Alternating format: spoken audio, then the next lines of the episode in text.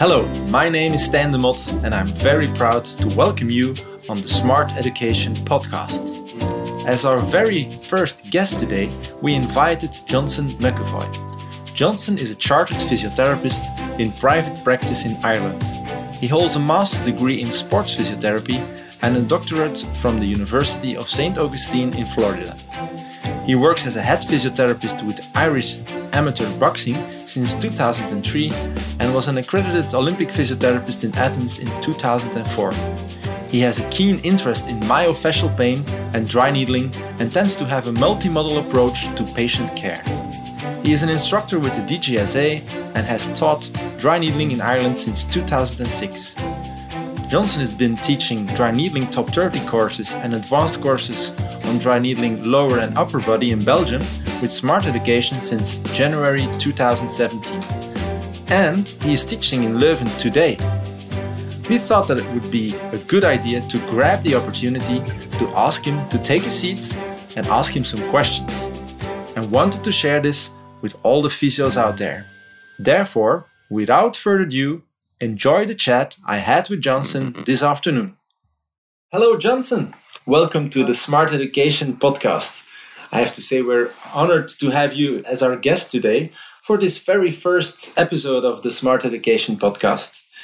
Well, we've come to know you as a great teacher for the dry needling courses that we host in Belgium in collaboration with the highly respected David G. Simons Academy for, I think, almost two years now. And I have to say, personally, I'm always very impressed when I see you giving lectures and teaching. You do it with so much enthusiasm and you're really passionate about what you do. Maybe you can enlighten me a little bit on where does that passion come from and maybe in particular your passion for dry needling. Stan, it's great to be here. Thanks for inviting me and uh, it's a it's a lovely opportunity to talk to you. I think I always wanted to be a physio. Mm-hmm. I always wanted to work in uh, healthcare and not to be too altruistic about it, but I, I'm enthusiastic about trying to help people, trying to help mm-hmm. patients. And I think sometimes I wonder, do I get more out of that than they do? So for me, enthusiasm comes just naturally. I, I chose the career because that's what I'm interested in. Mm-hmm. I would mm-hmm. find that probably if I did something else, it would be based upon the merit of how much I enjoy it. So I think that's maybe where my enthusiasm enthusiasm yeah. comes from. And then in particular for dry needling. Whoa, that that started uh, when because I. Because you have a long experience already. Yeah, I'm dry needling now 15 years, but I started out treating lots of soft tissue and I have an interest in soft tissue pain. So really, that started straight after graduation in 1993. I worked in the States for four years and then worked uh, primarily in rehabilitation and then MSK, musculoskeletal. I also found that outcomes improved. I seem to see, especially short term outcomes, mobilizing the patient better. And then I got interested in trigger points, bought the Travell and Simons manuals back in 98 and really was self trained at that stage in manual therapy. Mm-hmm. And then went to the States in 2003, practiced dry needling, okay. and started dry needle in 2003. Yeah. And when did you come in contact with the DGSA as a as a teacher? I met Christian since 2005 since mm-hmm. 2005. Christian, Christian is one of the yeah founders, president of the presidents, yeah. with, with David Simons and with Ricky Weissmann. Mm-hmm. And then in 2005, I met Christian in the States at a conference and we struck up a very close relationship with Jan Dommerholt. And uh, so we started to teach courses then in Ireland from about 2006 mm-hmm. onwards with Already, Jan yeah. and Christian yeah. Over 10 years now that you're teaching? Uh, yeah, 12, 12 years. 12 okay. years, yeah. yeah. Okay, Johnson. So, dry needling uh, is known to be a therapeutic intervention for myofascial pain, as you just said. But I'm, i have to uh, ask you the next question. In the literature, we can find studies that advocate the use and the benefits of dry needling. But then, on the other hand, there are other publications that question the value of treating myofascial related pain with dry needling.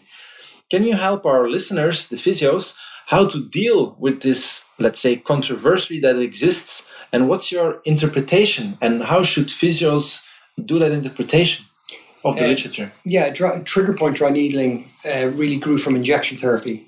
And part of that grew from diagnostic block that is blocking soft tissue pain to see did that make a difference in patient pain. Mm-hmm. Um, lots of that was based upon the observations of Janet Travell the trigger point itself has been controversial because it's been quite elusive. It's not a degenerative issue with the muscle. There's some evidence that it may be chemically related, chemical uh, relationship mm-hmm. to the neuromuscular junction, release of excessive chemicals within it, and cytokinins, which may then push the pain. Mm-hmm. Of course, the problem is that may be secondary or primary. So there's some research and parts of the research, including EMG, maybe nerve conduction, a couple of one nerve conduction study, and several elastography studies and chemical dialysis studies showing that we have a, a better understanding of the trigger point than we did, say, 20 years ago. But it's still elusive. Coming on to dry needling, then, dry needling has been shown to have particularly short term effects in myofascial pain. More recent studies, one study has looked at a six month outcome where we saw an improvement over exercise only, an 80% improvement in pain. Mm-hmm. So, four times greater improvement in pain. The difficulty over placebo has been addressed in a study in 2010. It was the first attempt, and it's a significant study and a significant milestone. Mm-hmm. But uh, coming forward in that, it seems that adding needling to therapeutic intervention as a part of a multimodal plan seems to be more effective. Mm-hmm. I don't see that necessarily as a standalone treatment. I think it needs to be part of education and exercise and everything else that physios do so well. Mm-hmm. So sometimes it's pain management, but certainly we're looking at short term effects so mm-hmm. far in the literature. Literature is getting stronger, but there's lots of controversies within that. Mm-hmm. So you presume that in the future there will be more evidence? Yeah, I, I, I, I suspect that. I think if we look at the meta analysis and the forest plot graphs, lots of those are starting to, to move in favor of dry needling as a part of treatment. Well, yeah. certainly when you compare it. That was ex- exactly my next question mm-hmm. because mm. I know in, in your conviction there is a place for dry needling in our profession and physiotherapy. I myself, I see it as a component, just as you, you said, of a broader therapeutic plan for certain specific indications. Given your let's say, impressive experience and background in treating patients. What's your point of view, your, your opinion on that? Maybe you can tell us a little bit more.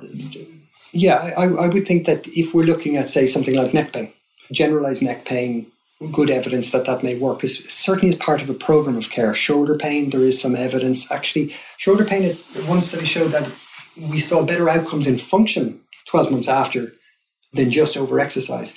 But in terms of pain, that was quite similar. There are also studies on the shoulder showing cost effectiveness.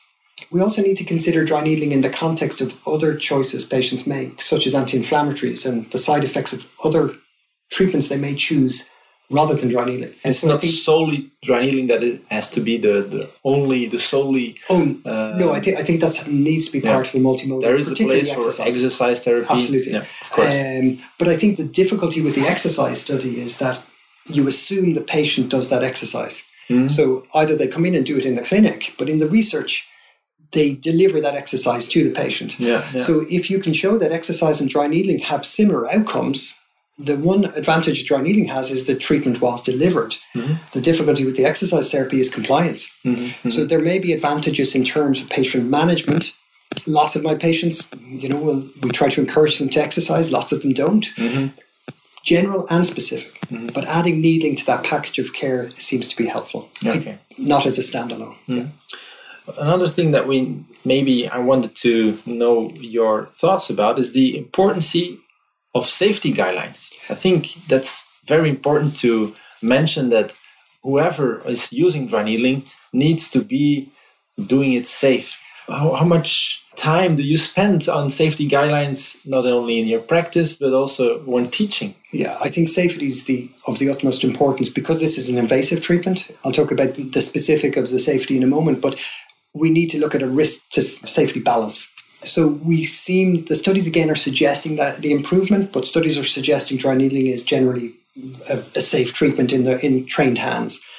So two things. We started national guidelines in Ireland, which included 17 people's input from mostly physiotherapists, one medical doctor, occupational health, and we drafted these and published them. They're a guideline document that's available through the Irish Society of Chartered Physios in Ireland. Mm-hmm. And they guide the physio in specific safety training. Mm-hmm. They should be part of any training program. Mm-hmm. Secondly, we then did uh, published four of us. Uh, I was the one of the authors on that. A study on safety dry, uh, and dry needling on people who had completed the DGSA dry needling courses, And we showed that there were minor adverse reactions bruising, post treatment soreness. There were no significant adverse reactions. We only looked at 7,500 treatments. Mm-hmm. But that defines that nobody needed medical care for, the, for any side effects seen in dry mm-hmm. needling. Surprisingly, post treatment soreness was not massive. It was a prospective study, but physiotherapy reported rather than patient reported. Mm-hmm. But it, it, it's, it's the first dry needling study, and we showed that it, certainly at the level of 7,500 treatments, it was generally safe. Mm-hmm. Okay, I can subscribe that the importance of the safety guidelines that are brought by uh, the DGSA, uh, so the Swiss safety guidelines, uh, they have an important place in the courses Absolutely. that you teach. Okay, maybe a last question because I'm curious about what holds the future for Johnson ah. McEvoy. And I mean that professionally. What, what are the projects that you're working on? What are you looking forward to? As for teaching courses, and because uh, maybe listeners don't know that, but you're not solely teaching dry needling for smart education. You, we had the chance to invite you already last year for an interesting course on low back pain, which will be repeated in uh, January 2019. But what else have you got up your sleeve? Well, uh, I'd love to continue to see patients clinically. That's what I love a lot, and mm-hmm. I think that's that gains the experience maybe, and that helps to be able. To most to, of your time teach. is still. Uh, I'm sixty percent clinical, and then uh, teaching trigger point dry needling courses. I think that I, am toying with the idea maybe of looking at further research. Starting up a PhD? PhD, yeah. I did a clinical doctorate, which mm 50% of the modules were on myofascial pain. mm But I, I'd like to look at maybe an area, certainly in myofascial pain, maybe PhD, yeah. mm So I'm thinking of that. Uh, so it will be Dr. McEvoy in the future? yeah, I think, I think the big thing is that as a clinician, I want to be, first of all and foremost, uh, an expert applier of research.